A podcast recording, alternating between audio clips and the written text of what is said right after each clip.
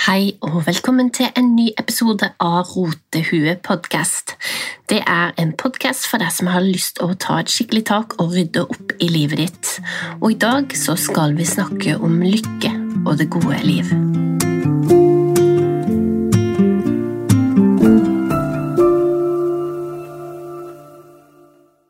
Så hva er det gode liv, og hva er lykke?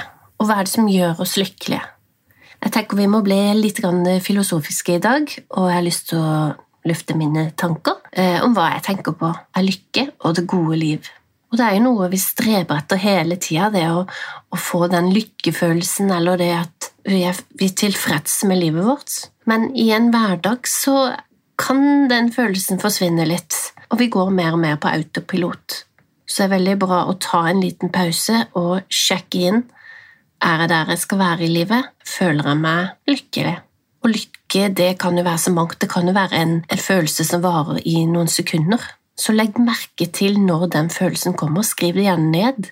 Jeg har hatt noen sånne øyeblikk. Da har jeg vært i Praha, har sittet på en kafé, kikka på folk som går forbi, og så bare Å, nå er jeg lykkelig. Eller når jeg er på Grimevann i Lillesand og svømmer utover vannet. Det er ingen andre mennesker der, det er bare meg og naturen. Å, da er jeg lykkelig.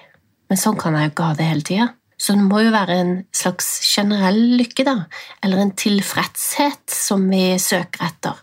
Og det å bare være fornøyd med livet sitt, eller bare det å være fornøyd med der man er i livet nå. Jeg er fornøyd med mine relasjoner, jeg er fornøyd med min jobb, jeg er fornøyd med hjemmet mitt, jeg er fornøyd med hvordan jeg prioriterer ting, økonomien min Alle disse tingene i sammen må gjøre at man føler seg ganske ok. Men vi gjør ofte veldig mye hver eneste dag som går på akkord med oss sjøl. Og bare det jeg tenkte over det Instagram-verdenen nå, at vi tar bilder i visse vinkler bare for at ikke dobbelthaka skal komme frem. Eller jeg tar iallfall fra bysten og opp for å ikke få med magen på bilder. Og fordi at den skal vi jo ikke vise har blitt litt større med åra. Oi, der kom det noen rynker frem. Greit, da er det på med et filter. Ops, 20 år yngre. Nydelig, det legger jeg ut. Men det er jo litt trist at det er sånn. Vi vil jo da aldri strekke til, og de forventningene er jo rett og slett ikke realistiske. Det er som å pisse i motvind, det. Og hver gang jeg legger det filteret på, så gjør jeg meg sjøl en bjørnetjeneste, gjør jeg ikke det? Og når folk ser meg i virkelivet, så er det bare oi! Plutselig poppa det opp eh, de rynkene der og valkene der. Jøss, yes, det har du klart å skjule godt, Fiona. Surprise! Jeg har jo ikke lyst til at det skal være sånn heller. Men vi prøver jo så godt vi kan å strekke til, og vi lever i et forbrukersamfunn, og vi har så mye ting rundt oss som distraherer oss, og som tar all oppmerksomhet.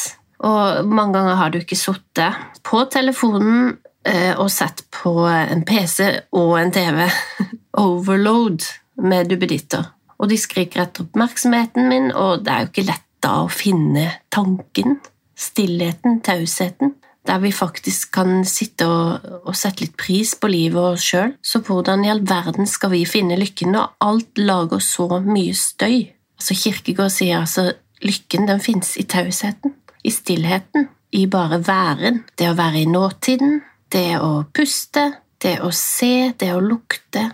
Du er her og nå, og i din egen kropp, og der du sitter og da gjelder det å få kontroll på tankene, så ikke de fyker av gårde inn i et spill, en noen andres verden, i fremtida eller i fortida. Vi er nå, og da må du rett og slett ikke tenke. Så det er det å prøve å bare legge merke til ting istedenfor å tenke. Ifølge den greske filosofen Platon så handler det gode livet om at eh, mennesker vi, må, vi trenger litt hjelp, rett og slett. Vi må ha dyder. Og dyder kan være klokskap og rettferdighet og mot. Og hvis du lever etter dydene, så skal du leve et godt liv. Og det er eh, viktig for at du skal kunne balansere livet ditt. Du må få kunnskap da, til hva klokskap er, hva vil det si å være rettferdig og modig, for eksempel da. Du vil jo ikke være overmodig heller, du vil jo ikke være dum, og du vil jo ikke være feig, så den gylne middelveien. Og som Aristoteles også, han brydde seg også om dyder. Det er viktig å sette ting i et samfunnsperspektiv, at alle har et potensial, Altså at en skomaker skal bli den beste skomakeren han kan være. Ikke sant? En feier skal bli så god han kan i feierfaget, hvis det er det han ønsker å være. Og en lærer, ikke sant? sånn som meg, må være den beste læreren jeg kan være for elevene mine. Du skal oppnå ditt fulle potensial. Men ikke sant, eh, du er jo ikke bare en jobb heller, så da må du se på hvor viktig er den jobben, eller passer rollen min i jobben med den personen jeg vil være på fritida. For det er litt vanskelig hvis de to rollene ikke passer sammen. Da, da får du en konflikt. Men formålet, mener Aristoteles med alt liv, er at det skal oppnå sitt fulle potensial, litt som i ninjago. Så et frø sitt fulle potensial er da å bli en blomst. Og det som skiller mennesket med et frø, da, det er jo at vi kan tenke noe om noe, og vi kan tenke noe om oss sjøl. Og vi er i et samfunn. Vi eh, eksisterer jo sammen, og da er du nødt til å ha en viss etikk. Du må kunne samhandle med de andre som er på jorda, rett og slett. Og der er jo mennesker både dårlige og gode. Men de mente jo dette var nødvendig, spesielt Aristoteles. Nå var det jo litt gammeldags tankegang på den tida, da. Men prinsippet er at vi må kunne leve i et samfunn sammen og gjøre ting som er rett. Og da, ja, da kommer du jo fort inn på etikken igjen, da. Så det handler ikke bare om å skape et godt liv for seg selv, men også for de som er rundt deg. Det kommer du også sjøl til å dra nytte av. Så det holder ikke å bare realisere seg selv, man skal også realisere seg selv sammen med andre. Og Aristoteles snakker om den gylne middelvei, og jeg må innrømme at jeg er ganske dårlig på den gylne middelvei. Jeg er ofte litt av eller på, som vi har snakka om chipspose. Altså, han vil sikkert at jeg skal spise en neve med chips, og så la resten stå, eller halve flaska med vin. Den gylne middelveien handler jo om måtehold da, og en balanse i livet. Og det er ikke lett å finne den balansen, men jeg skjønner poenget til Aristoteles. Altså, la oss ta det å være snill, da. Hvis du er en person som prøver å være så snill du kan mot mennesker rundt deg, så må du ikke være for snill. Du må ikke være selvoppofrende. Du må ikke være dumsnill. Så det er en middelvei der å være snill og rett og slett dumsnill. Og for å nevne Sokrates òg, da. Han snakka også om dyder, men også det at eh, å ha kunnskap, det leder til lykke. Stille spørsmål til andre, ikke nødvendigvis eh, bare be om svar, men eh, han ville at man skulle finne ut av ting med å spørre mange spørsmål. For eksempel så kan du stille deg sjøl spørsmål. Når er det jeg føler jeg får mest energi i løpet av en dag, og så kan du spørre deg videre hva er det som gjør at akkurat den aktiviteten gir meg så mye energi, Ok, så finner du et steg nærmere svaret, da. Og så hva er det som hindrer meg å gjøre dette oftere? Så Sokrates han var en luring. Det heter jo sokratiske spørsmål å stille seg sjøl sånne spørsmål, eller andre. Men Sokrates mente bestemt at Kunnskap det trumfer materielle goder og sosial prestisje. Samfunnet vårt beveger seg vel mer inn mot hedonisme, og da snakker vi om nytelse. Og jeg føler at den verden vi lever i nå, den er veldig opptatt av nytelse, og det er jo ikke sant når du spiller et TV-spill eller ser en film eller går på telefonen nettbrett, så er det umiddelbar nytelse, umiddelbar belønning. Hvis du tar og får lyst på en sjokolade, kan du ha nok penger, så går du i butikken, kjøper og spiser. Vi gjør utrolig mye i løpet av en dag som gir oss umiddelbar nytelse, og eh, her er det mange som mener at her går vi på en liten smell. For nytelse er ikke det samme som lykke. Selv om nytelse kan være et øyeblikk, en lykkefølelse kan være et lite øyeblikk, så er ikke det veien å gå. Fordi skammen etter umiddelbar nytelse, den kommer ofte. Det kjenner jeg godt igjen. Det har vi snakka om i en tidligere episode. Så eh, hvis du spiser den sjokoladen, så får du en deilig følelse akkurat når du spiser den, men så kan du bli ramma av skam etterpå, og skamfølelsen den varer mye lenger enn den nytelsesfølelsen. Så hvis vi jakter på lykke, så kan vi jo hele tida få nytelse. Bam, bam, bam, bam, bam. Og det gjør vi jo, men den ekte lykkefølelsen med å kanskje prestere noe, få til noe du har øvd på lenge, gå en tur i naturen, se noe veldig vakkert, det er en annen type lykke. Hedonismen er også opptatt av å unngå smerte, unngå ubehag, og da kan jeg skrive under på at vet du hva, jeg er utrolig takknemlig for de gangene jeg har opplevd noe vondt, Og siste perioden når jeg var sykemeldt, så tenkte jeg akkurat nå er det veldig godt å ha det vondt. Fordi nå lærer jeg noe om meg selv. Noen fortalte meg det at hvis du tenker deg at du kjører raskt med en bil, og så bråbremser du, så kommer all dritten du har i bagasjen, frem. Og sånn føltes det. Du har gått og kjørt på og kjørt på og kjørt på, og så når du først drar i eh, bremsa, drar i brekket, så kan det godt være at det er ikke bare det du tenker på der og da som kommer frem, at du er sliten og sånn, men det er masse dritt fra bagasjen som også bare slår deg i huet. Så kanskje vi skal dra i det brekket litt oftere, så slipper så mye dritt å komme frem på en gang. Det å unngå smerte og ubehag, det er rett og slett ikke sunt, tror jeg. Vi er nødt til å følge den kurva ned noen ganger for å få en liten lykkefølelse når det går opp igjen. Vi vil ikke ha en liksom flat linje gjennom livet, for da tror jeg det er veldig vanskelig å kjenne på noe lykke også, hvis ikke du vet hvordan det er å være i den dype dalen. Det er iallfall min erfaring.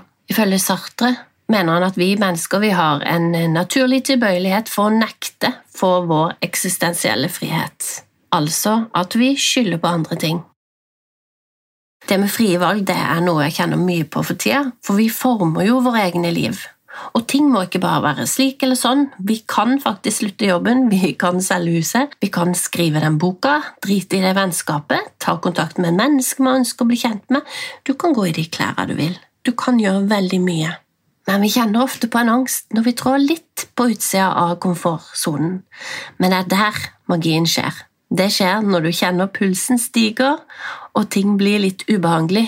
Da må du gripe tak i hva som virkelig rører seg. Så lag deg en liste om hva du egentlig har lyst til å gjøre, hva er du egentlig vil oppnå, hvordan vil du egentlig ha det? Så kan du jo tenke litt på hva er det som holder deg tilbake? Hva er det verste som kan skje om du prøver? Hva slags små steg kan du ta for å komme deg litt nærmere det målet? Og hva kan du gjøre i dag? Føler du deg verdsatt av de rundt deg? Og når har du den beste følelsen? Så det er jo viktig å kartlegge og kjenne etter, og se hvilke følelser de ulike tankene gir deg. Og vi har snakka om angst før. Tenk deg at du står på et stup og ser ned prekestolen, f.eks. Du kjenner at du får et sug, og en tanke melder seg. Jeg kan hoppe. Du hopper ikke likevel, du tar kanskje et steg litt tilbake, og du blir redd. Men det du blir redd for, det er din egen frie vilje. Du kan hoppe hvis du vil. Vi har også kontroll på oss sjøl, så vi lar være å hoppe. Så har du det dritt på jobb eller et forhold, finn deg noe nytt det nye finner jo ikke det før du har tatt et valg, og det er vanskelig, men det er også lett.